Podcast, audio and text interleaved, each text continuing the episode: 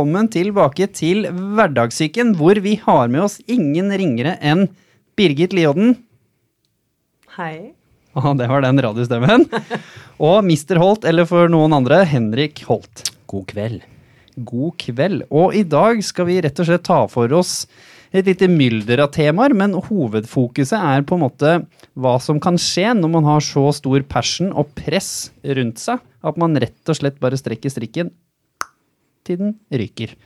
Og ikke minst konsekvensen av det, og enda viktigere, hvordan man kan håndtere det og klare å komme tilbake. Både sterkere og smartere, og finne da en balanse og allikevel holde på den passion, og denne gangen forhåpentligvis ikke ryke strikken. Det vet vi jo ikke ennå. For fremtiden kan jo dukke opp med nye svar. Men i utgangspunktet er det både erfaring og klokskap her. Og så skal vi også en liten tur innom hva som selvfølgelig skjer da, når man håndterer disse tingene. Som havner da i altså Man får jo depresjon og disse typer tingene som følger sånn snacksent med når man eh, havner i ulykka. Så Rett og slett før vi begynner med det, så kan jo dere fortelle hvem dere er. For det er jo ikke alle som vet hvem dere er, selv om dere er sånn uh, holdt på å si wannabe-influensere begge to. Dere er ekte, ekte influensere. Stemmer. Wannabe. Birgit er, uh, Birgit er linseløs. Hun er veldig god linseløs. Og Jeg er en dårlig linslus. er jo god linseløs du òg, Henrik. Så skal vi la Vet du hva, det er 2019, så vi begynner med mannen. Henrik, jeg er hvem i all verden er du? Uh, jeg heter Henrik. Jeg er eh, faktisk 24 år blitt, eh, som er veldig gøy. Eh, jobber til daglig i Ardoc, som er et IT-selskap som har rask vekst internasjonalt. Er opprinnelig fra Kongsvinger, så jeg har litt bygdetendenser innimellom. Som dere kommer til å merke når jeg begynner å prate litt. Eh, sosial fyr. Liker når folk ler av vitsene mine. Det kan Men- ikke love. Det, nei, det sier de først, men eh, erfaring sier noe annet. Så dette blir spennende. Så det er kort om meg. Og i all verden, eh, sjefslynslusa, hvem, hvem er nå du da, Birgit? Eh, jeg eh, ja, heter Birgit. Jeg er 37 år blitt. Ser ikke sånn ut. Føler meg som 28 alltid. Ser ut som 28. Å, takk, elsker deg. um, og så er jeg sånn eh, shippingdame-ish, da. Så jeg har uh, jobba med miljø og bærekraft, unge, likestilling og hav siden ja, i over 13 år. Siden du lærte å svømme. siden jeg lærte å svømme. Nå synker jeg ikke så ofte. Um, og så driver jeg en del sånne rare prosjekter eh, rundt eh, hvordan man kan leve mer bærekraftig. Sånn på privaten, som jeg drar inn i jobblivet mitt. Um, så jeg bor eh, nå halvåret på husbåt. Har gått over eh, først fra dieselbil til hydrogen, og så fra hydrogenbil til elsykkel. Eh, og driver og eksperimenterer med type sånne kjøpefrie år og mye annet eh, rart. Du må ta med at du nå faktisk havna i Linseløsavisen fordi du faktisk skal Hvordan skal du komme deg til India fra Ja. Norge? Eh, ja, jeg skal jo da ha flyfritt 2020. eh, og fortsette å jobbe internasjonalt i shipping. India, tenkte du. Det var lurt. Eh, ja, og India er jo bare en konsekvens av at jeg har kobla to dritbra damer, en indisk shippingleder med Heidi Aven, som er norsk likestillingsgründer. Og så skal de jobbe sammen om en konferanse i Mumbai neste vår. Og så fikk jeg forespørsel om å være med og bidra der etter at jeg hadde kommentert meg til Flyfritt 2020. Og så tenkte jeg ja, det, det må jeg selvfølgelig være med på, men da må jeg jo fortsatt holde commitmentet mitt. For Da jeg tenker at nettopp når man både jobber internasjonalt og elsker å reise, Mm. så er det jo noe med at det da, det å ofre en sånn del av livet, da, eh, det drar jo opp noen eh, perspektiver som man kan dele med mange andre. Hvor man ikke bare er sånn derre type sånn fotform-radikal miljøforkjemper, men man er faktisk en næringslivsperson Mm. som er opptatt av miljøet nok til å være villig til å ofre noe av det beste man vet, i hvert fall for en periode. Absolutt. Og så kan jeg tenke jeg, dra på seg litt da med eh, å få satt fokus på noen utfordringer og muligheter og hull, og hvordan vi fra næringslivet også kan bruke kjøpekraften vår til å påvirke flyindustri og reiselivsindustri etc. Det blir spennende. Så ja. Vi gleder oss til å se hvordan du kommer deg fra Norge til India i Jeg kan, 2020, altså. jeg, kan off, eller jeg kan avsløre at en del av den ruta kommer til å gå gjennom Saudi-Arabia. Hei. Interesting. Yay! Så hvis Birgit blir fengslet neste år, så, så tar vi henne på Skype fra Saudi-Arabia. Du tar ikke med deg husbåten? Det tror jeg går fint. Eh, nei. Men jeg har vært på husbåtferie i India, faktisk. Hei. Mm, Hvordan var det? det var dritbra. Ja, det kan jeg tenke meg. Det virker interessant. Så da skal vi smette inn i tema, og da kan vi jo begynne med mm, Henrik. Kan ikke du fortelle mm, altså litt sånn eh, kort fortalt sånn sett, men forløperen til eh, hvordan strikken og hvordan du på en måte kanskje pusha deg sjøl litt for mye, og hvordan, hva slags press som, som påvirka deg. Og så Yes. tar vi det når du først kommer til der hvor strikken røyk, så tar vi hvordan det var. Ja, nei, det, jeg tror det første um, som er viktig å påpeke, da, det er jo det at uh, mye av presset som man kommer til å kjenne gjennom oppveksten nå, men kanskje når man blir litt eldre òg, nå er jeg jo kun en unggutt, men jeg har kjent på mye allerede, så er det kanskje mest det presset du påfører deg selv. Um, og vi kommer jo fra en generasjon, i hvert fall jeg nå, kommer fra en generasjon som kalles generasjon prestasjon. Uh, og jeg tror mye av det psykiske det kommer kanskje mer innenfra enn det gjør eksternt. da. For det er jo Jeg vil tro det handler litt mer om hvordan du takler problemene enn hva problemene nødvendigvis er. Uh, og for meg så har det egentlig bare vært at uh, jeg har alltid likt å jobbe, jeg syns det er gøy. eh, og jeg syns også det er viktig for å kunne finne da, skal man si, en mening i livet, da. Eh, så derfor på en måte har jeg alltid likt å ha et høyt tempo. Eh, og jeg skjønner også at hvis man skal komme seg opp og fram, enten det er en corporate eh, karriere eller om det er noe man har lyst til å starte selv, så lønner alltid hardt arbeid seg. Um, så for meg så er det egentlig det at eh, man må vite at det er en balanse. Og når man er midt oppi det, så er det kanskje litt vanskelig å se nettopp det, da. Mm. Ja, fordi hva var det som skjedde når du ikke så det så godt?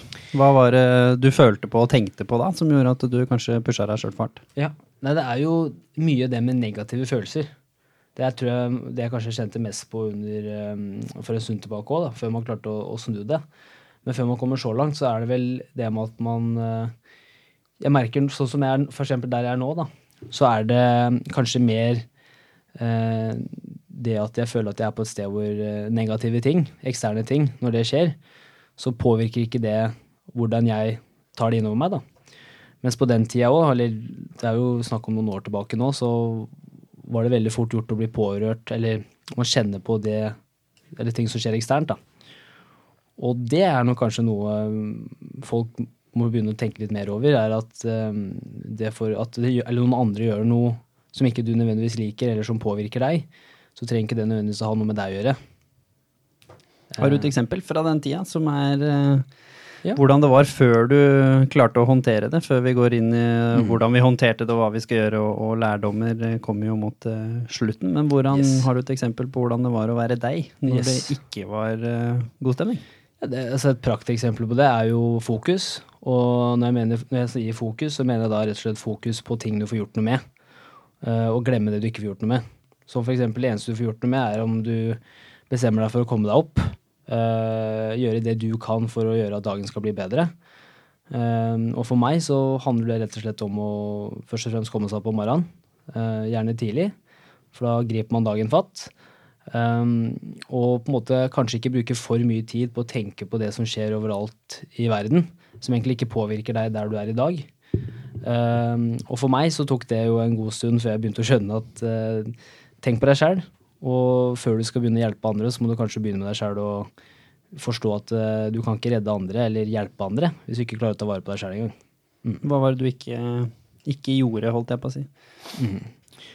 Er egentlig bare det å rett og slett stoppe opp på.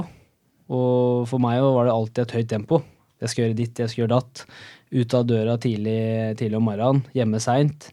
Og klarte ikke å sitte rolig. Noen vil kanskje kalle det maur i ræva, eh, hvis man kan kalle det sånn. Um, og for meg så var det egentlig bare det å um, At jeg ikke klarte å sitte rolig, da. Det høres veldig, veldig rart ut, men bare det å sitte rolig og ikke gjøre en eneste ting. Bare se ut i lufta. Bare Jeg tror ingen av oss i rommet her i utgangspunktet var i hvert fall gode på det. Nei. Jeg er ikke god på det ennå, men eh, jeg tror Birgit har blitt litt bedre. Men jeg tror ikke du tar NM i å sitte rolig og ikke gjøre noe heller. Nei, kanskje ikke. ikke? Jeg tror ungene dine kan være med på det. De er veldig glad for det, for så vidt. Men Ja. Ja, Birgit, eh, hvordan eh, Du har jo for så vidt eh, delt ganske mye om smellen sånn sett også, både i litt sånn workshops og sånne type ting. Men hva var det som skjedde for deg? Fordi du, du har jo hatt en spennende reise generelt, men denne gangen så fokuserer vi jo på da jobbbiten, da. Og at du Mm. jobbet såpass hardt at det, det ble for mye, til slutt. Ja, nei, jeg ble jo ansatt da jeg var 32. Så ble jeg ansatt som første Første kvinne og første under 50 som eh, leder for en av verdens største shippingmesser. Med type eh, en eh, omsetning på 120 millioner, båndlinje på nærmere 60. eh, 1000 kunder fra hele verden og 35 000 mennesker fra shipping som kommer til Oslo annethvert år. Um, og jeg kom eh, Jeg ble hyra inn i den jobben da jeg akkurat hadde født min andre sønn. Eh, og eh, visste jo, og det visste jo for så vidt sant, styret og, og administrerende der hvor jeg kom inn i ledergruppa også, at jeg var en veldig sånn type utradisjonell kandidat. Og det var mye ved min profil som ikke var sånn typisk med den type erfaringer du har da når du kommer inn i en sånn rolle. Eh, men jeg ble jo hyra inn da for å rett og slett liksom hit the next curve. eh, skape en helt ny type møteplass og jobbe med ganske sånn radikale innovasjoner. Eh, og dro jo på med masse pågangsmot og var jo veldig opptatt av da å eh, bruke det mandatet som jeg hadde fått, som da var å eh, utvikle den arenaen til å eh, pushe bærekraft, innovasjon, eh, unge, entreprenørskap, likestilling. Eh, og det å liksom shake opp uh, den ganske mannsdominerte shippingbransjen da, gjennom uh, den møteplassen. Det trengtes. Jeg, ja, jeg tenker at det trengtes. Um, og så underveis, da jeg, da jeg begynte, så var vi liksom i starten av en ganske tøff krise innenfor offshore. Og den ble liksom bare verre og verre etter det som nærmet seg. Og vi, det ble stramma inn på rammer, det ble mindre mannskap eh, til å gjøre jobben. Eh, Det var, ganske, det var en skikkelig tøff reise. Um, og tja Etter å ha jobba type sånn 90-100-timersuker i en god del måneder, på vårparten da to måneder før vi skulle liksom lansere og, og levere med brask og bram i Oslo, så um, hadde jeg vært veldig, veldig sliten, og, rett, og også sånn som uh, ble påpekt her, jeg kjente det på liksom evnen til å klare å, å fokusere. Uh, jeg kjente at jeg fikk en sånn nesten sånn, eh, sånn apatisk følelse. Eh, og så fikk jeg faktisk en, en blodpropp. Så det, hos meg så utarta det seg veldig fysisk også. eh, da to måneder i forkant. Um, og så var det sånn i mitt hode at jeg var så uunnværlig på en måte i, i en fase hvor jeg så at eh, hvis jeg skulle eh, kaste inn håndkleet, så ville det gå så mye utover de ressursene de andre kollegaene mine på jobb og evnen til å gjennomføre, at jeg bare tenkte at ok, jeg vet at mest sannsynlig så strekker jeg strikken altfor langt den gangen her. Men jeg gjorde det med viten og vilje fordi at jeg følte at det vi kunne få til å levere, var så mye større enn meg.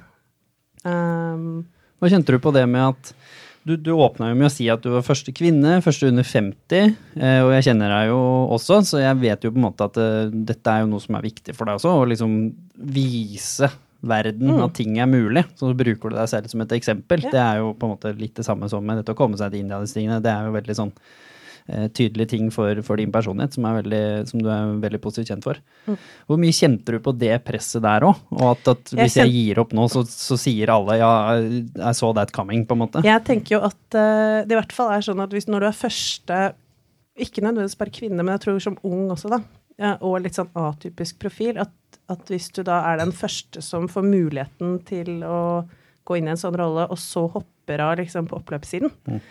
Så tror jo jeg at det skal veldig mye til før den bedriften da, eh, eller tilsvarende, velger å gjøre noe tilsvarende igjen. Eh, og det kjente jeg helt klart på at det var kjempeviktig, og det har jeg vært veldig bevisst på hele veien nå. At, eh, at jeg har brukt min posisjon i mange runder og tatt noen harde kamper, for, og også satt i gang ting som man kanskje ikke trodde skulle være mulig å få i gang. Eh, fordi at jeg har tenkt at da åpner du noen dører og skaper en presedens som gjør at de jentene, eller de unge, de andre som kommer etter deg, får en lettere fight. Eh, så jeg må jo si da at eh, sånn videre inn i denne diskusjonen her, jeg ville jo mest sannsynlig gjort det samme igjen. Ja, fordi du snakket jo om generasjon prestasjon. Og dette her er noe som dukker opp ganske ofte i den workshopen som vi hadde på husbåten til Birgit også, hvor vi da snakket med det som vi kalte changemakers, altså folk som i utgangspunktet har kanskje tatt på seg da et, et ekstra ansvar. Det er ikke nødvendigvis noe som blir tredd nedover hodet på dem, som du pekte så fint på i stad, Henrik. Det er, jo, det er jo et valg, men det er et press, og det er noe i det som på en måte det er ikke bare walk away, som du sier, fordi det får konsekvenser hvis man står i roller som man har tatt på seg, og, og som folk følger med på. da, Som kanskje kan få permanente konsekvenser for en hel bransje, om de tør å fortsette å ansette unge kvinner, f.eks. Hvordan kjente du på dette presset som, som ung? Hvordan er det generasjon prestasjon skaper press i hodet sitt? Hvordan ser det ut oppi hodet, eller hvordan så det ut i ditt hode? Ja. Nei, for min del så Hva skal man si da? Altså, jeg, jeg har jo alltid likt å For det første så syns jeg det å være seg sjæl, det begynner der, da, for min del. Så jeg har på en måte alltid vært meg sjæl, føler jeg. Eh, selv med min barndomsgjeng fra, fra oppveksten òg. Så jeg har på en måte kanskje alltid vært han som eh, er i gruppas, eh, gruppas klovn. Men så merker jeg sånn litt når man kommer på videregående og sånn. Puberteten treffer deg. Du, du går fra å være en liten valp til å bli kanskje litt Du, du får litt mer selvtillit på deg, da. Uh, så er jo på en måte alle de tinga som skjer på videregående, det, det virker jo som verdens verste problemer der og da. Eh, og så er det også kanskje da veldig vanskelig å se det livet som kommer etter. For jeg husker jo at Jeg føler i hvert fall at jeg har blomstra etter videregående. Så jeg hadde ikke min peak på, på videregående skolen. Den kom på en måte etter. Men det tror jeg alltid er en bra ting. det er, Ja, jeg tror Yes. det. Det er sjelden de som er heltene på videregående, Ja. heltene etterpå. på en måte. Men, ikke sant? men der kom også poenget mitt. Det var litt selvskryt òg. Men uh, jeg veit om veldig mange som de treff, altså høydepunktet deres er på videregående. Da er, de en lit, eller da er de en stor fisk i en liten dam. Alle ser opp til de, de er best i idrett, eh, på skolen, det er ikke måte på hva de får til. Men så er det veldig mange som, for både meg og deg, Jimmy, som kommer fra bygda, flytter inn til storbyen. Plutselig så finner man ut at man plutselig er en, eh, en liten fisk i en stor dam. Man er på en måte ikke så kul lenger, da, eller man er kanskje ikke midtpunktet lenger. Mye større konkurranse, i hvert fall. Mye større konkurranse. Og så, for min del også, så skjønte jeg litt sånn at uh, Er det lov å banne? Ja. Ja. Ok. Yes. Så det er veldig Nei, nei, det er ikke, mot noen. det er ikke Ban, ban, ban, ban. Yes. Så Birgit, rollemodell, husker du det? Yes. Men, men da fant jeg ut, da Fuck. Nei da. Men men da fant jeg ut at uh, du er på en måte ikke en dritt fram til du er noe. Du må på en måte Var det panning? Sorry, jeg er veldig Det var veldig fin banning. ikke banning. Nei, men dette er min første, første på en måte, offentlige opptreden, så jeg må begynne. Det var veldig hyggelig banning. Veldig hyggelig. Så, på. Du Jeg vet Birgit kan verre Yes. enn det. Ja. Birgit, du får ikke lov å banne. ikke er bare Henrik. Ikke ban. Okay. Så, men jeg vet ikke om det er noe Om dere kjenner dere også igjen i den? Den at dere plutselig innser at uh, dere er på en måte Dere er ikke en dritt før dere uh, på en måte gjør noe med det. Jeg husker jo, jeg kom jo inn i, i shipping. Eh, Birgit, eh, Det var jo der jeg møtte Birgit, Hun ble kjent med Birgit som da drev en organisasjon for unge i shipping, og skulle liksom skape nettverk oss imellom, og skulle liksom empower ungdommen, som var jo strålende. Og jeg ble jo headhenta da jeg var 21 til full jobb, og jeg kom jo fra bygda, har ikke noe stort navn, har ikke noe storfamilie. Ingen, det var liksom ikke noe eh, grunn til at jeg skulle få den jobben, annet enn at de tydeligvis trodde på et eller annet. Og da kjenner du på et fascinerende press. Jeg husker han spurte meg når siste intervjuet var ferdig, og han hadde fortalt meg at jeg hadde fått jobben. Jeg prøvde å holde maska, ikke virke så fryktelig excited. på en måte. Prøve å keep it cool, ikke sant. Skal sjekke kalenderen min. Ja, sånn, jeg skal se om det passer. Kan hende jeg skal vurdere det. Nei, jeg sa ja med en gang, selvfølgelig. Og så husker jeg han spurte meg Ja, er du klar for å begynne å jobbe? Og så står du der, og så er du 21 år. og så Jeg hadde jo jobbet, jobbet med Gåstein sånn sett, ett år som redningsdykker i Forsvaret. Og resten har jo bare vært skole og deltidsjobb, selv om jeg jobba mye deltidsjobber på bygda. Men det er ikke det samme. Så når du da plutselig får en seriøs jobb i det som den gangen var et av de mest populære selskapene i verden, da er det litt sånn tanker som surrer gjennom huet ditt når han spør deg det spørsmålet. Jeg husker i min uh, mangel på noe annet uh, bare sa ja. bare ja, ja, ja, jeg er kjempeklar. Og så når jeg gikk ut av det Golden Års-kontoret, husker jeg bare hva i all verden har jeg sagt ja til nå? Jeg vet ikke hva jeg skal gjøre engang. Jeg har ikke peiling. Gleder meg til jeg kommer tilbake. Men selvfølgelig, nå har jo jeg alltid likt å learning by doing, litt det samme som, som Birgit, og sikkert deg også, mm. Henrik. Så jeg elsker jo utfordring, men jeg husker at jeg kjente på det presset.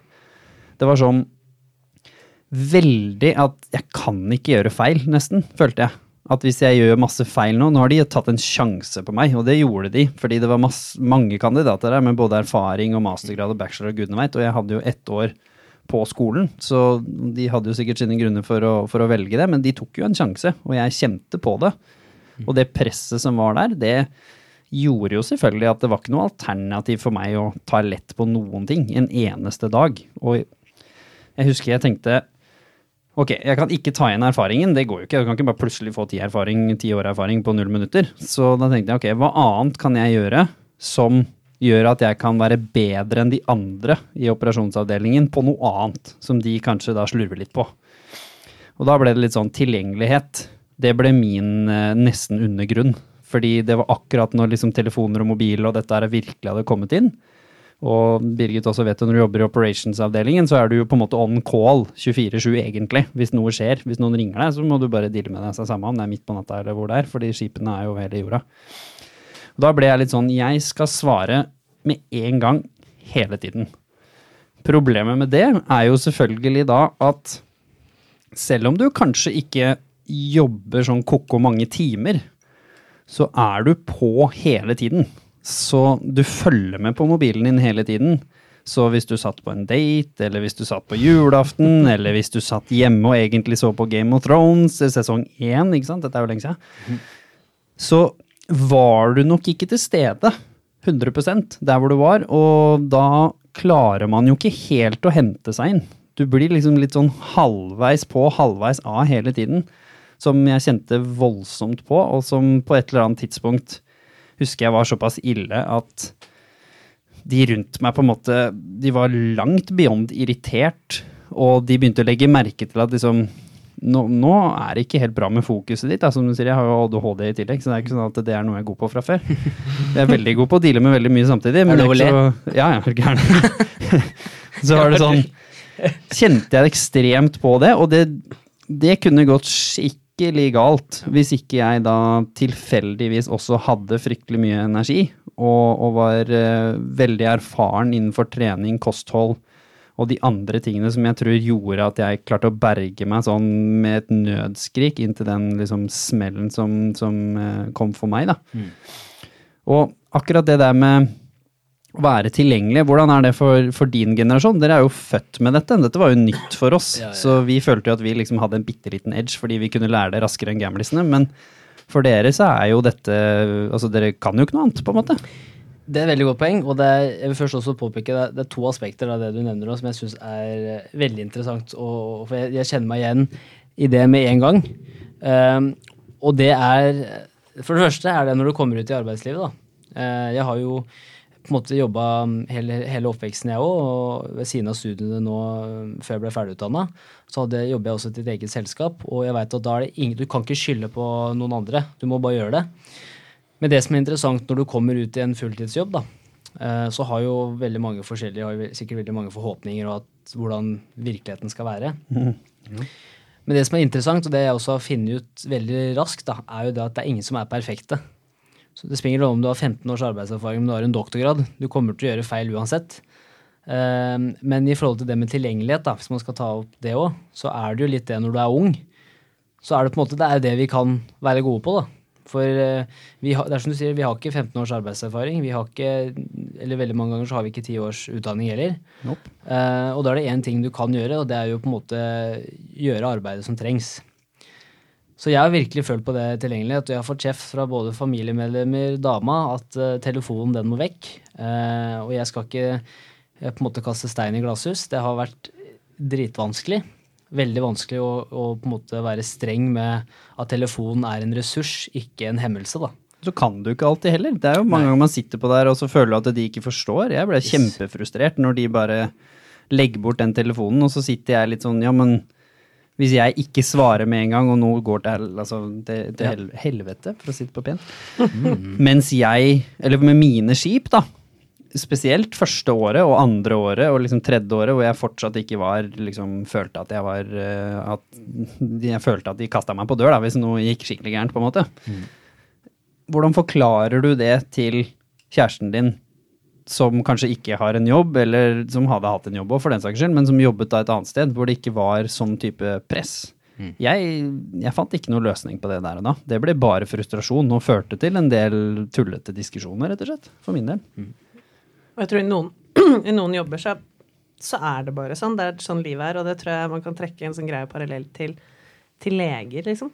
Leger og annen type personell som har type ventevakter, da. Men hvor du Det kan være at telefonen ikke ringer den kvelden, men hvis den ringer, så må du hive deg rundt og svare og, og være på, fordi at det har konsekvenser. Enten det handler om, om mennesker og helse og liv, eller det handler om Masse penger. Og Masse penger og, og det som transporterer all maten vi skal spise, og de tinga vi skal kjøpe i butikken her eh, hjemme. Um, så den er jo bare litt vanskelig. Jeg tenker at noen av oss velger oss jo kanskje type jobber og yrker og bransjer da, hvor, hvor det ikke er et åtte til fire-liv, men det er mer en livsstil, på godt og vondt. Eh, og så tenker nok jeg at uh, tror jeg både meg og deg, Jimmy, at vi har nok også gått inn og valgt og enten det er ubevisst eller bevisst, vi har jo valgt oss inn i den type retninger hvor du uh, Hvor livet ditt og jobben din, det er så integrert i hverandre. Uh, og jeg tror for min del så ville jeg aldri hatt det annerledes heller. Eh, for jeg føler at det er jo også mye av verdien i det, at, at jeg jobber med noe som jeg brenner for, og, og som ikke bare er noe utapå meg selv, men som er integrert i meg. Um, Ja. ja. Det var det som redda meg til slutt, på en måte. Fordi i shipping, hvor jeg hadde en passion i starten fordi jeg syntes det var så veldig spennende. Altså arbeidsjobbene var spennende. Jeg fikk beyond ansvar for noen som helst 21-åring. Jeg var vel den yngste den gangen i det systemet, på en måte, som var ansatt i en sånn type stilling. Kjente på det presset, men det var også kjempespennende, sant? og syntes jo dette var utrolig gøy, og vokste fort. Det var jo det perfekte stedet for meg å være som person. Jeg lærer raskest ved å få ansvar og gjøre og finne ut av det selv, og ha noen å lene på meg på med disse 10-15-20-30 års erfaringene som satt rundt meg, noen av de beste folka i, i bransjen, som jeg kunne lære av. Men jeg, til slutt, når på en måte den indre motivasjonen ved selve oppgavene gikk over. For på et eller annet tidspunkt så blir man jo såpass flink i jobben sin, eller i hvert fall såpass vant med jobben sin, at da er jo ikke oppgaven i seg selv spennende lenger. Da begynner de å bli rutine. Selv om operations er alltid noe nytt som skjer, men det begynner å bli more or less the same uansett. Og når jeg hadde da jobbet der i liksom fem år, seks år, da liksom begynte du å kjenne på motivasjonen at da var det ikke like lett å jobbe like hardt. Da var det ikke like lett å være like tilgjengelig. Da klarte ikke jeg selv å argumentere for hvorfor jeg skulle si til kjæresten at jo, men sånn er det bare faktisk, for jeg elsker jobben min, og det er viktig for meg. Da ble jeg også litt mer sånn det kan vente til i morgen. Og da merket jo jeg at jeg ikke nødvendigvis var så flink i jobben min også, fordi det er jo det faktisk den jobben krever, trist, men sant, eh, sånn sett. Jep. Og da kom jo jeg til min crossroad, hvor ting begynte å bli mer utfordrende.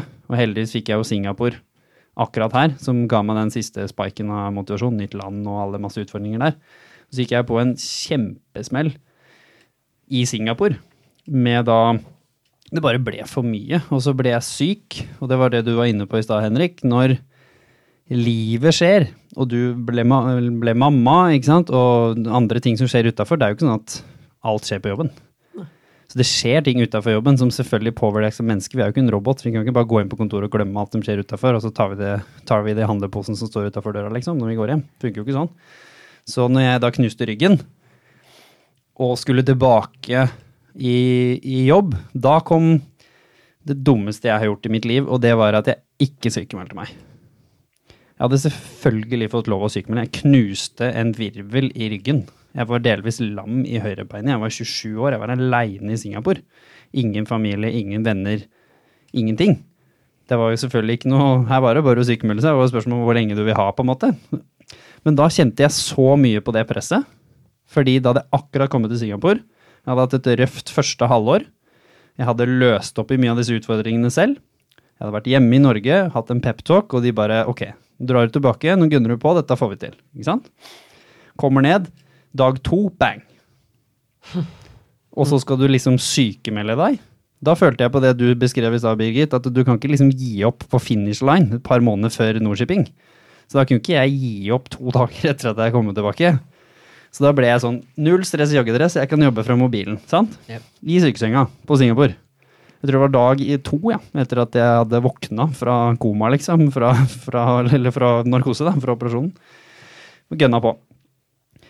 Og så overvurderte jeg min egen evne til å klare å separere meg fra hva som hadde skjedd, og traumene og ting jeg gikk gjennom, og det å være aleine og liksom alle de tinga her. Og så havna jeg i en konflikt med da noen eh, internt, sånn sett, over noe tullete.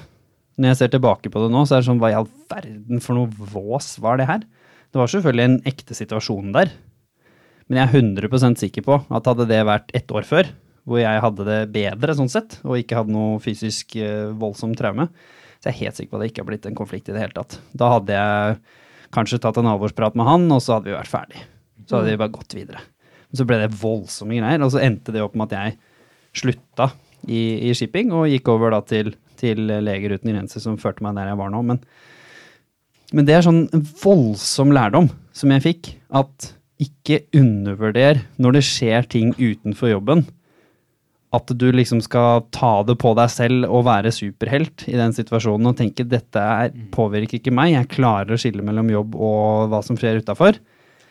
Mm, nei. Da tror jeg det hadde vært veldig mye bedre å være ærlig fra dag én. Jeg husker jeg hadde en veldig, veldig, veldig klok sjef, eh, som var min første sjef i Wilhelmsen, hvor jeg da var eh, Hvor jeg begynte min eh, shippingkarriere, da. Eh, jeg jobbet meg liksom opp fra assistentnivå til å bli global prosjektleder. Og eh, hun som var lederen vår da, som satt i ledergruppa der eh, globalt, hun hadde jo jobbet siden hun var 19 år, og jobba seg opp gjennom alle år. Og hun sa at ved at jeg da jobba enormt mye, jeg lå liksom på overtidstoppen to år på rad i veldig ung alder, Uh, og jobba liksom og jobba liksom round the clock. um, og hun sa, Birgit, du må huske på én ting. Og det var liksom to ting egentlig som hun sa. For det første var at uh, du blir ikke utbrent uten å brenne for noe. Så hun ba meg liksom være obs på det at jeg var så engasjert og brant for jobben. Så sa hun at NB, NB, det er også det som er risikoen din. da. Du må passe på å holde liksom det, prøve å holde igjen selv, for det kan ikke vi gjøre for deg. Og nummer to, det var at hun mente at, at det er så veldig viktig for alle mennesker å ha en balanse i livet. Og hun, hun sa at du, du, må passe på at du har, du må ha liksom jobb, og så må du ha fritid og privatliv i balanse. Fordi hvis ett av de beina liksom eh, knekker under deg, da, hvis det skjer noe alvorlig på jobb, da har du fortsatt to bein å stå på. Hvis det skjer noe på privatsiden, så har du fortsatt to bein å stå på. Ikke sant? Så da det der å faktisk ha et balansert liv, da, hvor du investerer eh, tiden din og fokuset og kapasiteten din ikke bare på jobb eller ikke bare hjemme, men du klarer å få um, egentlig liksom et sikkerhetsnett, da. Uh, hvor du tåler å gå ned på, På en av dem. på en av dem. Men Henrik, hvorfor hører vi ikke på de råda her? For det vet jo jeg at Birgit hørte jo ikke på dem, for da hadde jo ikke det skjedd det som skjedde i fremtiden. Og jeg fikk jo råd underveis, jeg òg, som jeg på ingen måte hørte på. Selv om jeg hørte det nok. Men bare tenkte at jo, men dette ordner jeg, liksom. Skal jeg er bare, jo skal bare. supermann, så det, det fikser jeg, liksom. Hvorfor hører vi ikke på råd når vi er litt yngre? Du som er fortsatt 24. Ja, altså, jeg tror jo noen, noen kanskje har det fra tidlig alder og klarer på en måte å reflektere seg rundt det uten erfaring og så videre. Men jeg tror for folk flest, da, og kanskje 90% av tilfellene, så må du bare ha erfaring. Det er rett og slett det du må ha. Um, og jeg, når dere prater om det nå, jeg kjenner meg igjen i alt det her. Uh, og i hvert fall det med måte, jobb og fritid. Um, og jeg, måte, eller sånn som jeg prøver å takle det nå, er at f.eks. For, for min tid da, så prioriterer jeg min uh, fritid, om du vil, jeg har alenetid, like mye som det skulle vært jobb. For jeg vet at hvis, Eller jobb eller samboer. For jeg vet at hvis jeg har det bra med meg sjæl, så blir jeg en mye bedre kjæreste òg. Jeg blir mye bedre kollega, jeg blir mye mer familiemedlem, kamerat, kamerat faktisk. Komrad, du er fra. Russland. ja! Kamerat osv. Og jeg, og jeg veit på en måte at det, du må prioritere, da. Du må prioritere din egen helse. Eh, og for min del så er det på en måte at i, nå i, eh, i disse, disse dager så prioriterer jeg trening som det skulle vært jobb. Så for meg så er trening det er i kalenderen. Det er ingen, ingen kan flytte det. For det er min alenetid, da. For noen andre er det kanskje å lese bok, det er å meditere, øh, lese magasiner, det er å være med venner og familie osv. Mm. Men så lenge det da ikke blir mye prestasjon inn i den treningen, da, det er kanskje litt Yes. viktig. At det er noe som på en måte skal være uten, litt uten mål og mening. Ja. Altså at det bare skal være litt sånn tom, hente seg inn, Yes. bruke kroppen. Mm. Så lenge du ikke finner glede i det, da. Hvis du liksom er sånn som jeg, elsket jo å konkurrere før jeg knuste ryggen. Ja. Selv om jeg konkurrerte og la voldsomt inn i det, så følte jeg meg mer energisk når jeg var ferdig enn før. For jeg fikk det sosiale aspektet. Jeg drev jo med lagidrett den gangen, fotball og, og basket og sånn. Og uten det så hadde det, altså, hadde ikke gått. Hvis ikke jeg kunne få lov å konkurrere, men på en, på en positiv måte, da. At det var liksom ikke prestasjonspress. Det var ikke for, for Det var mer tror, glede. Det er det jeg tror er så viktig, for nå er det mye prestasjonspress på folk. Uh, og jeg har jo en sånn Det hadde jeg før jeg ble utbrent òg, men jeg har en sånn filosofi om at du kan fokusere på å være god på to områder i livet. Hvis du virkelig liksom skal ha et bra liv.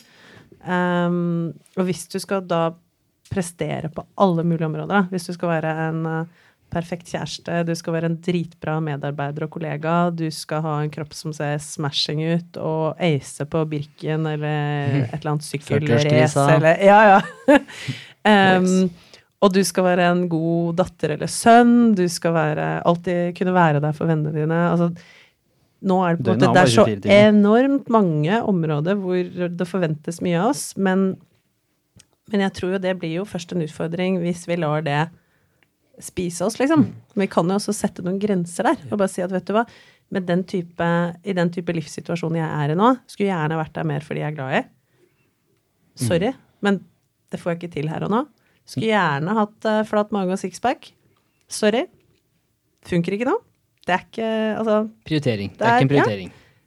det er liksom noen ja, er basic prioritering. prioriteringer, og hvis alt blir prestasjon, og alt skal være liksom oppe der, da, da tror jeg at vi Da er veien kort til eh, Mm. veldig mange utbrentrunder, eller veldig mange mennesker som eh, Mm. lufta går ut av, rett og slett. Ja, jeg, jeg er helt enig der òg. Jeg tror først og fremst så handler det selvfølgelig om en balanse. Mm. Eh, mellom både jobb og fritid, eller hva slags ulike om, områder du ønsker å prioritere. da. Men for min del òg, da, kan hende det er på en måte for meg og Jimmy, men jeg føler i hvert fall det der å øh, Du er aldri perfekt. Det vil man aldri bli. Men man kan alltid bli bedre. Så for min del så er Jeg husker når jeg var selvfølgelig 14-15 år, så var jo treninga om å få de største, største gunsa. Og, og, og på bygda. Vaskebrett, så i hvert fall på bygda. Og så var det proteinpulver og, og litt attåt. Men eh, nå så skjønner jeg på en måte at eh, det betyr ingenting. Det som betyr noe, er at hvis du klarer å sette av den tida til å rett og slett bare fokusere på å løfte de vektene, da, eller løpe den kilometeren, og det i seg selv er treninga, det er at du skal være i nuet, skal være fokusert, da. Mm. Da Ikke ser du ikke på telefonen. Da ser du ikke på telefonen. Og for meg så er det Så som jeg sa rett før jeg kom hit, så har vi heldigvis fått Tuftepark rett utafor kontoret. Da var jeg og løp fem kilometer, og så var jeg tilbake og trene i Tufteparken. Og det var høydepunktet mitt den dagen. Bare for da kobla jeg av. Så ja. Mm. Så vi vil gjerne fra en som kommer fra liksom idrettsverden, det med prestasjonspress er jo i utgangspunktet noe veldig positivt. Altså vi hyller jo de som klarer å håndtere det til noe positivt. Det er de som liksom går fra å være gode til å bli fremragende. Det er jo de som presterer under OL, eller de som presterer under VM, eller de som presterer under konkurransen. Eller om det bare er lokale eh, løpet på, på Hurum eller på bygda, eller altså trappene opp, eller hva det skal være. Så egentlig skal jo dette være noe positivt. Samme som med deg, når du liksom tok jobben med Nordshipping, så presterte du jo hakket høyere enn du gjorde før med det presset.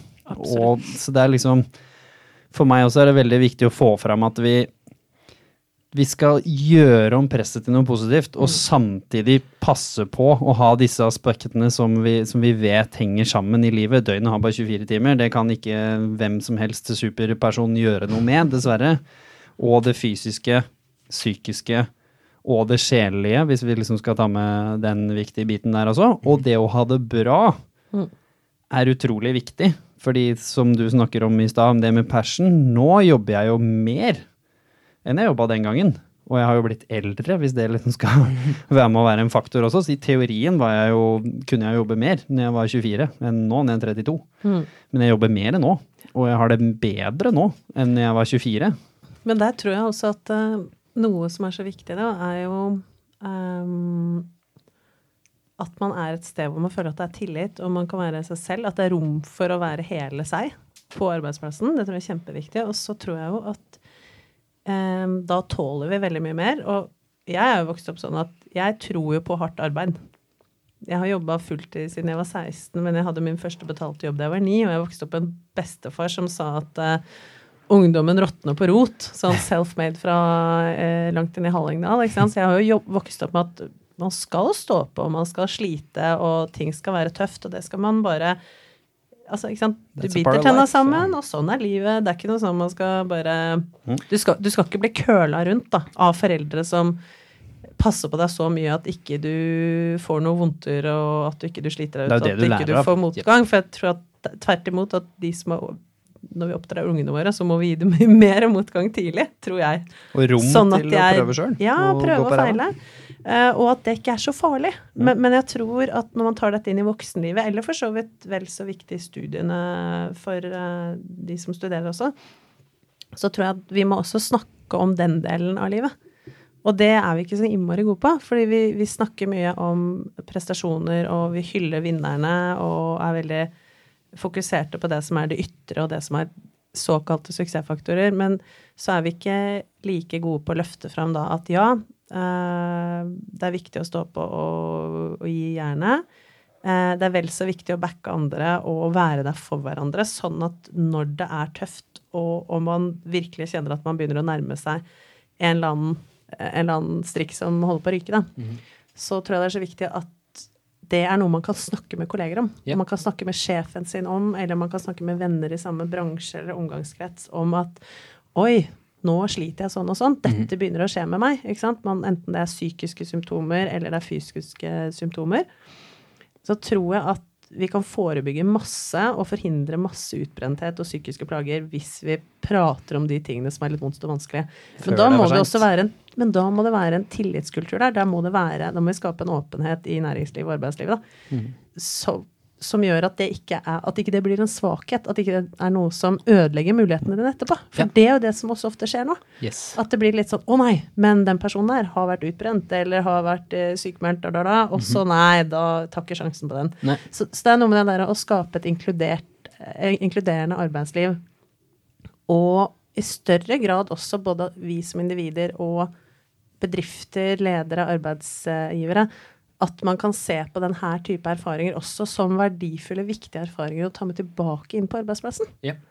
Jeg ville jo heller ansatt noen som har vært gjennom mange tøffe ting, enn en som ikke har det, så lenge jeg selvfølgelig føler at de er bevisst over det og har lært noe. Jeg kunne til og med funnet på å spørre om det under eh, et intervju, sånn sett. Liksom, ja, hvor, hvordan gikk det? Hva, hva lærte du under den perioden? Og så ville det vært noe kjempepositivt, for ansetter du noen som det virker som om det er perfekt, hvis du liksom ser på CV-en og snakker med dem og liksom all is good og never been down og Da hadde jeg vært superskeptisk, det må jeg ærlig innrømme, fordi da hadde jeg nesten forventa at smellen skulle komme hos, eh, hos oss, på en måte. Og, og det hadde ikke nødvendigvis vært noe positivt. Så for meg er det knall hvis jeg som Ja. leder nå skulle Og det gjør jeg jo hele tiden. eh, Engasjere folk eller ansette folk inn i prosjektet. Og, og vi ser på det som flott ballast. Selvfølgelig så lenge de er bevisst over det, og at de, de har det bedre nå. da. Trenger ikke å liksom være helt ute av det heller. Nei. Og det er litt viktig å, å ta med. At du må ikke være liksom 100% frisk Nei. for å kunne jobbe og for å kunne bidra. Jeg syns det er så fantastisk med, med Birgit også, at eh, du er jo av veldig mange sett på noe som en person som har fått til fryktelig mye og vært banebrytende innenfor forskjellige felt de siste årene, liksom 10-15 årene, og allikevel så har du vært gjennom fryktelig mye tøffe ting, og vært helt nede noen ganger, og langt nede andre ganger. Og du har vist at disse tingene kan gå hånd i hånd. Mm. Allikevel. Det mener jeg er fryktelig viktig å få fram. Men takket være åpenhet, tror jeg da. Ja, at du håndterte det. Hvordan håndterte du liksom stigma? Hvordan turte du å bli på en måte sånn semi-offentlig sykemeldt?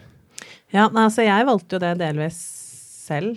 Eller først så ble det faktisk sendt ut en uh, nyhetssak fra arbeidsgiveren min som, som, sa det uten direkte rene ord. Uh, og så var jeg DN senere, og da ble det veldig naturlig å ta med det. Uh, og så tenkte jeg at ok, det er ikke ja, nei, det er jo kanskje ingen ledere i shipping som har gjort det mens de har vært i den Altså mens du er i den utbrentrunden. Men desto viktigere å, å kanskje ta litt brodden av det, at det er så himla farlig, da. Hva slags feedback fikk du da? Fikk du noen som takka deg liksom sånn for å tørre å være ærlig? Jeg regner jo med det. Ja, altså det var litt blanda. Eh, veldig mye veldig bra feedback, og særlig kanskje fra unge folk som da enten var i en sånn periode selv, eller hadde vært gjennom noe, eller følte at de nærma seg en, en vegg. Eh, og fra den eldre generasjonen så fikk jeg både mye bra feedback og folk som delte. Og det var kanskje det det var veldig mye av, at folk delte sine erfaringer, og at det ble en liksom kanal. At folk sendte meg meldinger og mailer og, og skrev om, om sin reise, på en måte.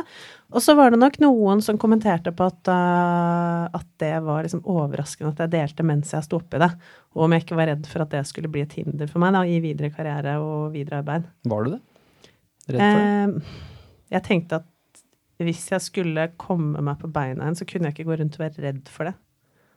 Jeg tenkte mer at det får, det får bli som det er. Og, og jeg hadde jo en samtale med min eh, daværende sjef, og hun mente jo at ville At jeg liksom hadde ødelagt karrieren min.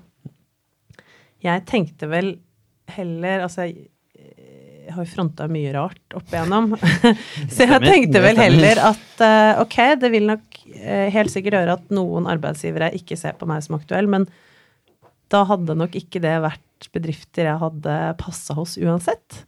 Og så har jeg heller valgt å stole på at eh, folk som har levd en stund og vært gjennom noen tak og, og kanskje tenke litt mer sånn mangfoldig da, rundt rekruttering og mennesker og verdi, eh, at de uansett eh, ser at jeg kunne være brukende til noe. Stole på egne ferdigheter òg, tenker jeg. Altså, Ja. Hvis du har klart deg fram til det. Og du er jo sånn sett self-made eh, Petter Stordalen-stil, som på en måte ikke har gått den Bare uten alle penga. Jo, men med, uten utdannelse og vært mamma Og og liksom fått til eh, voldsomt eh, mye på egen hånd. Så hvis du liksom plutselig skulle mista trua på egne ferdigheter midt oppi dette her, så hadde jo hadde Men det kan jeg si at på det stadiet jeg var da, så hadde jeg faktisk mista trua på egne ferdigheter. Så det Mm. var sånn til tross for. Men det har ordna seg. Og jeg tror at det er en verdi i det. At det, hvis folk som tilsynelatende er veldig vellykkede, begynner å snakke litt mer om alle liksom, medaljens baksider, så tror jeg at det kan gjøre mye bra. Og det er, tenker jeg at hvis man skal stå for det man sier ellers, da, så Mm. må man også ta konsekvensen av det når ting er litt tøft. At man faktisk tar det helt ut. Hvordan fant du igjen trua på egne ferdigheter, da? Siden du var inne på det, så må vi jo dele det med lytterne, for det er jo interessant. Ja, du vet hva, det kom bare av å begynne å jobbe igjen. Smått og pent. Og bare, altså, det er litt sånn I psykiatrien så bruker de jo sånn kognitiv terapi. Mm. Så jeg tror det var litt sånn min versjon av kognitiv terapi. Både liksom male og snekre og sånn helt enkle fysiske ting. Og være ute i naturen og bruke kroppen. Eh, men også jobbmessig. Bare få helt enkle oppgaver som jeg kunne løse. Og så da, da bruker du jo og drar i gang hjernen din, ikke sant. Og så det kommer det av seg selv. Og jeg tror at det er viktig for å motvirke lange, lange sykemeldinger også. Det å bare få folk uti igjen. Ja. Litt sånn om du faller av hesten, at du må opp og ri igjen.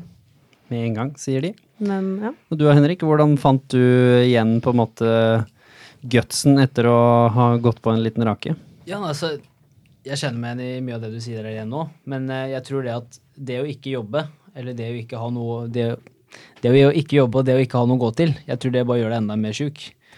Så yes, jeg tror rett og slett at um, kan ta et eksempel da med, med Nav. Jeg tror at hvis du blir gående hjemme og på en måte ikke har noe å gå til, eller du ikke har noe du brenner for, da, eh, og du ikke føler noen mestringsfølelse, så er det bare noe som gjør deg mer og mer syk. Eh, og for min del også har jeg alltid visst at eh, når ting er vanskelig, da, så er det én ting som gjelder, og det er på en måte det å vite at du kan ikke gjøre alt som er gøy her i livet. Og forstå det at eh, livet er dritt, kan være. Eh, og at eh, du må gjennom litt tøffe tider før ting begynner å gå bra. Men samtidig så er livet en berg-og-dal-bane. Selv om hvis jeg, for eksempel der jeg er i dag, så har jeg, jeg har tro på mine egne ferdigheter. Og jeg vet at hvis jeg jobber hardt, så kanskje jeg klarer å komme der jeg har lyst til å være. Og hvor jeg har lyst til å være, vet jeg ikke ennå. Men jeg vet at hardt arbeid lønner seg. Men det kan godt hende at jeg går på en smell en gang til om et år, eller ikke om et år, da, men om noen år. Og da kan hende at ting endrer seg, for ting endrer seg hele tida. Men det er litt det jo, jo mer erfaring du har, jo kanskje jo mer klarer du å takle de utfordringene. da. Det er jo forskjellen for meg nå, kjenner jeg. Det er at nå er jeg ikke redd for det.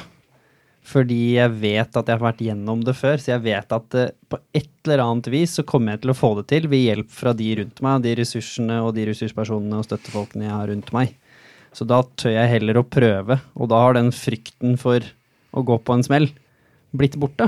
Og det er ganske fascinerende hva stor forskjell det er. Nå er jeg ikke Jeg er ikke redd for å gå på en smell, selv om det er fryktelig mange som snakker om det rundt meg fortsatt. Som snakker om liksom å, nå må du roe ned og nå må du slappe av, og litt det du sa i stad, da, men når du har så sterk passion for noe, så, så er jo absolutt muligheten til stede for å, for å løpe rett på veggen uten å se den.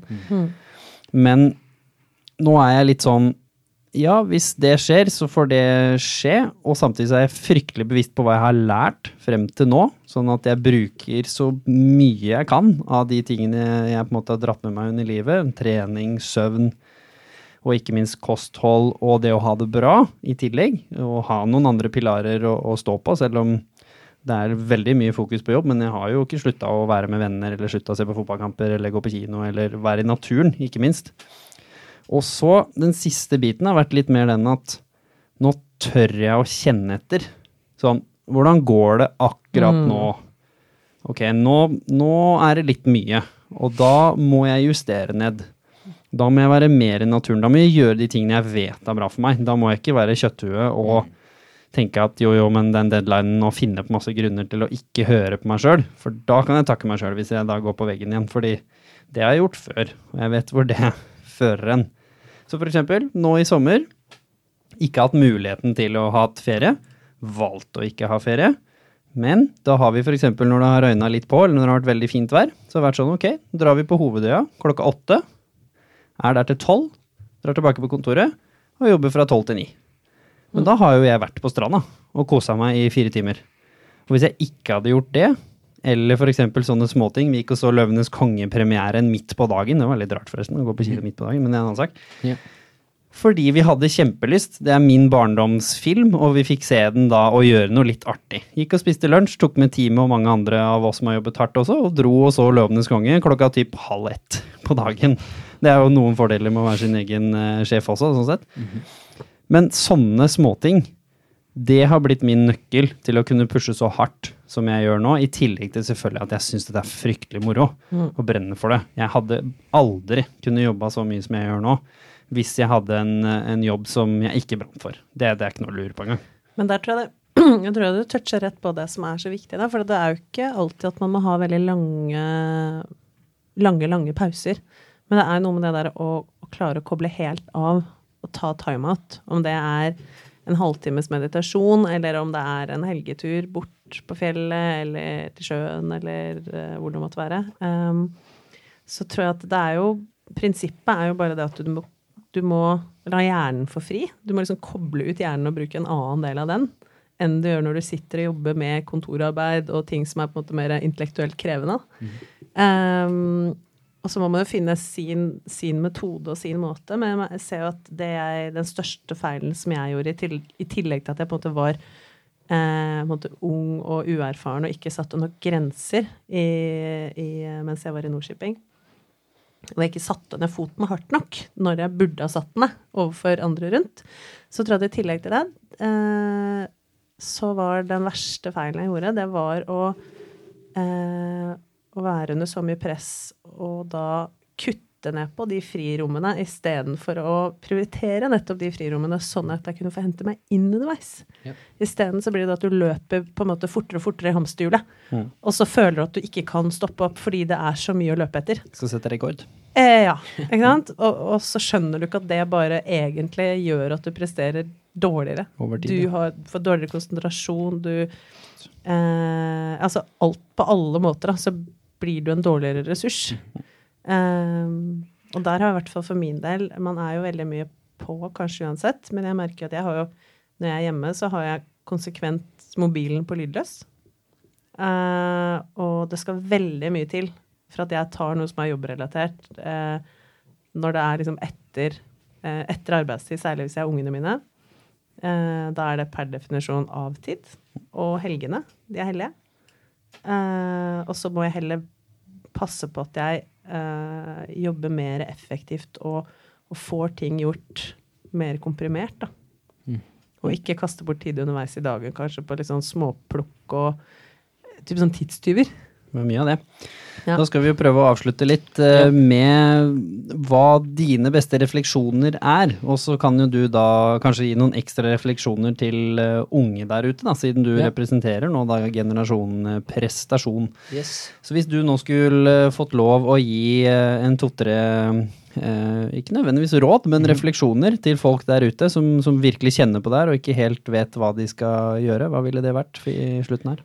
For det første så er det jo det er jo et maraton, ikke et sprint. Så hvis du skal opp og fram og jakte etter suksess, hva enn det er for noe, eh, så er jo det kjempebra. Eh, Men man må også vite at man skal på en måte man skal leve i denne kroppen i nesten 100 år. Kanskje det blir over 100 år nå, jeg vet ikke. Får vi se. Og, yes, og da er det greit å eh, trives i den kroppen man har, men også forstå at eh, du på en måte du kan ikke misbruke den. Det, du må sette pris på den du har, eller det du er og det du har blitt født inn i, og prøve å gjøre det beste ut av det, at du også kan kose deg langsiktig. da. Og det å jobbe seg til døde er ikke en langsiktig strategi, og er helt idiotisk, for å si det mildt. Um, og nummer to så er det også litt det at det går an å si nei. Du, du trenger ikke å si ja bare for at sjefen din sier at du skal gjøre noe. Det går helt fint å si nei, og du kommer til å komme levende ut av det på andre sida. Uh, og hvis, hvis det blir, kommer til et sånt punkt hvor du blir mikrostyrt, eller hvor du føler at du ikke klarer å puste lenger, så er det kanskje på tide å reflektere litt rundt hvor du er, og hvor du føler du bør være, da. Må bare slutte, sier Stordalen. Bare slutte, og jeg syns det er helt innafor. Og det er, ok, det er ok å slutte, og i hvert fall vi som bor i Norge.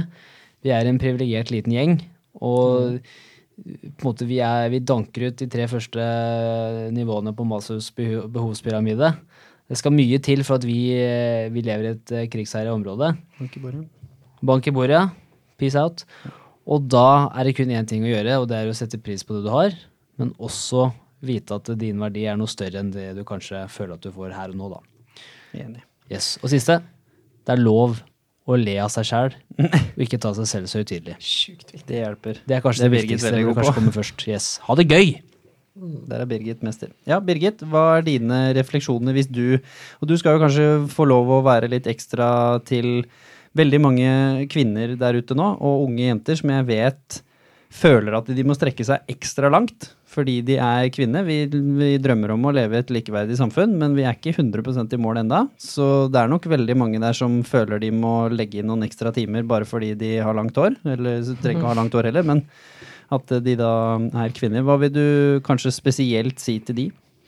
Jeg tenker jo um, For det første, i jobbvalg, altså enten du skal inn i en jobb som ansatt eller starte eget eller et eller annet sted imellom eh, der, så tror jeg at det er viktig å tenke gjennom hva er det som er verdiene dine, hva slags type liv er det du ønsker deg, og så prøve å styre litt mot arbeidsgivere som har verdier og måter å rigge seg på som, som matcher. Sånn at du slipper å komme opp igjen på en måte verdikonflikt eller, eller å bli dratt i en retning som ikke er god for deg som menneske. Da. Det tror jeg er viktig. Og så tror jeg for jenter spesielt, eh, så tror jeg at altfor få jenter tar diskusjonene og, og tar de liksom litt dypere samtaler med kjærestene sine før de får barn, når man er eh, liksom i en sånn karrieremodus, da. Eh, med hvordan man skal prioritere hverandres karrierer, hvem skal få kjøre på når, hvordan skal man fordele alt som må gjøres hjemme, barn etc. Hvordan, hvordan skal man få livet til å gå opp i begge retninger? For at det kan være tøft nok når man ikke har barn og bare bor sammen. Mm. Eh, når man får barn, så adder det definitivt et ekstra press på. Og, og det å da snakke igjennom litt. Ok, Skal man bytte på? At ok, nå får du fem år til å gønne på. Eh, nå får jeg fem år. Eller må man ta to år av gangen? Eller om man finner andre rigger på det, da. Det er notert. Uh, ja. Ja, du trengte den. Yes. Så kommer Lille Henrik snart. Yes. Så, Lille. Ok. og så um, Og så tror jeg jo at det er så utrolig viktig å ikke alltid ikke forvente at man skal være sånn type lykkelig og glad hele tiden. Eh, jeg tror hvis lista ligger der at man, skal, at man tror at man skal være lykkelig og ha det bra og være glad, og at livet skal se perfekt ut i ja, sosiale medier eller overfor andre, da, er man, da, er man, da styrer man mot katastrofe, egentlig, for da vil du aldri klare å leve opp til det. Du vil hele tiden eh, vente på å komme dit du ønsker å være. Og jeg tror det er så utrolig viktig det å, å, å ta forventningene til livet litt ned. Og kjenne på hva man er fornøyd med der man er i dag. Ikke vente med å leve eller vente med å være lykkelig eller ha det glad til man har nådd alt det som står på femårsplanen, eller hva den er. Eh, men kjenne etter at ok, ja, man har alltid utviklingsønsker og alt det der, men i hver eneste fase man er i, da, så har man noen ting som er veldig bra. Eh, og hvis man klarer å ta det litt mer inn, og kjenne, liksom, la det synke inn litt, eh, så tror jeg at det er veldig bra. Og, eh, og så er det det med sånn stillesoner, stillelommer, da. Det å finne noe verktøy for seg eh, som gjør at man, at man har et fristed hvor hjernen kan koble av, og hvor man egentlig ikke skal være noe mer enn å bare være. Eh, og den kan man ta ut enten man er og jogger i skogen, eller man sitter på et brett et sted, eller fisker, eller mediterer, eller whatnot. Altså man har masse, eh, masse måter å, å ta ut det på, men jeg tror det er viktig det der å, og ta tid til å gå litt dypere inn i seg selv, da. Absolutt. Og for en som kanskje har tatt noen, eh, som for så vidt dere andre her også, men, men tatt en del eh, valg som kanskje har vært litt sånn eh, litt uforventa og litt ballsy, og kanskje man har hoppa inn noe uten å egentlig helt vite hva man eh, går til, så vil jeg virkelig oppfordre folk til å tørre å bre horisonten sin litt. Fordi det er veldig mange, føler jeg, generasjon prestasjon, og generasjonen min også, og Birgit sin for den saks skyld, som har så voldsomt detaljerte planer på hvor de skal, og hvordan de skal komme seg dit. Og nå har det seg sånn at livet er ikke til å lese, og ikke til å spå, og ikke til å ha kontroll over. Og det som jeg kanskje har fått mest ut av i min eh, karriere, det er å tørre å hoppe på ting som ikke i utgangspunktet er liksom linjeformet for hvor jeg skal. Og, og ha korttidsplanen og langtidsplanen i hodet samtidig.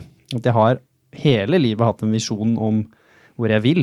Den har selvfølgelig endret seg litt underveis, men den har vært ganske tydelig. Men jeg har turt å se litt til venstre og litt til høyre for der hvor jeg tror neste steg ligger. Og det har åpnet muligheter som jeg mistenker at jeg ikke hadde sett engang, hvis ikke jeg hadde turt å se på det. Og det å faktisk tørre å utforske seg selv. Hva er jeg god på? Det er noe av det lureste jeg har gjort. At jeg har gått i meg selv og vært sånn, ok, dette er det jeg faktisk kan, og har vært veldig god på siden jeg var liten, istedenfor å prøve å ligne på de andre på jobben når man er ung. Fordi å prøve å liksom være noen andre, det er sjelden en god plan på å få til noe som helst, og i hvert fall en dårlig plan på å ha det bra. Så når jeg skjønte det, og heller fokuserte på å være en, en operations manager i, i shipping, men være god på det jeg er god på, og det samme når jeg jobbet i Leger uten grenser, være da den stillingen jeg hadde, og de arbeidsoppgavene jeg hadde, men med mine ferdigheter. Og gjøre den min egen, samme som Birgit i Nordshipping gjorde det til sin rolle. Hun skulle ikke liksom gjøre akkurat det samme som den 50-åringen som var før deg. Og det tror jeg virkelig er noe som kan, kan skape veldig positiv effekt, og hvor du kanskje kan unngå det burnout. Og den siste var det jeg nevnte i stad, hvor det å tørre å føle hvordan har jeg det nå? Hvordan har jeg det i dag? Skal jeg gjøre noen småjusteringer nå på de neste dagene for å få de små lommene mine, da? For det, å, for det long game, det er absolutt et uh, maraton. Og, og tørre å jobbe hardt også når man er ung. Det er ikke farlig å jobbe hardt hvis du er bevisst på de andre tingene i livet. da kan eh, Eller da vil det gå bra, men du må føle på deg selv, fordi vi er forskjellige mennesker. Du kan ikke se på bestevenninna di og telle timer. Hvis hun jobber så mange timer, så skal du jobbe en halvtime lenger, for da kommer du fortere fram. Det, det funker ikke sånn. Man må tørre å, å fokusere på seg selv, og veldig på det Birgit sa i stad. Være snill med de rundt deg, og prøve å hjelpe de også, så ikke hele livet ditt er bare meg, mitt og min karriere, for da drukner du i din egen lille sulling av, eh, av verden, tenker jeg. Yes. Tusen hjertelig takk til Birgit og Henrik for at dere kom og delte, og ikke minst tok oss med på en liten reise både innom det ene og det andre her. Det er fantastisk. Takk for det. Tusen takk. Og tusen takk til Livslyst og Motivasjonssenteret som låner dette fantastiske lokalet til oss som vanlig podkaststudio her. Og tusen hjertelig takk til dere som lytter på. Og send gjerne inn forslag til hva dere vil vi skal ta opp i videre episoder, eller mennesker som dere tenker kunne vært spennende å høre fra. Takk for oss.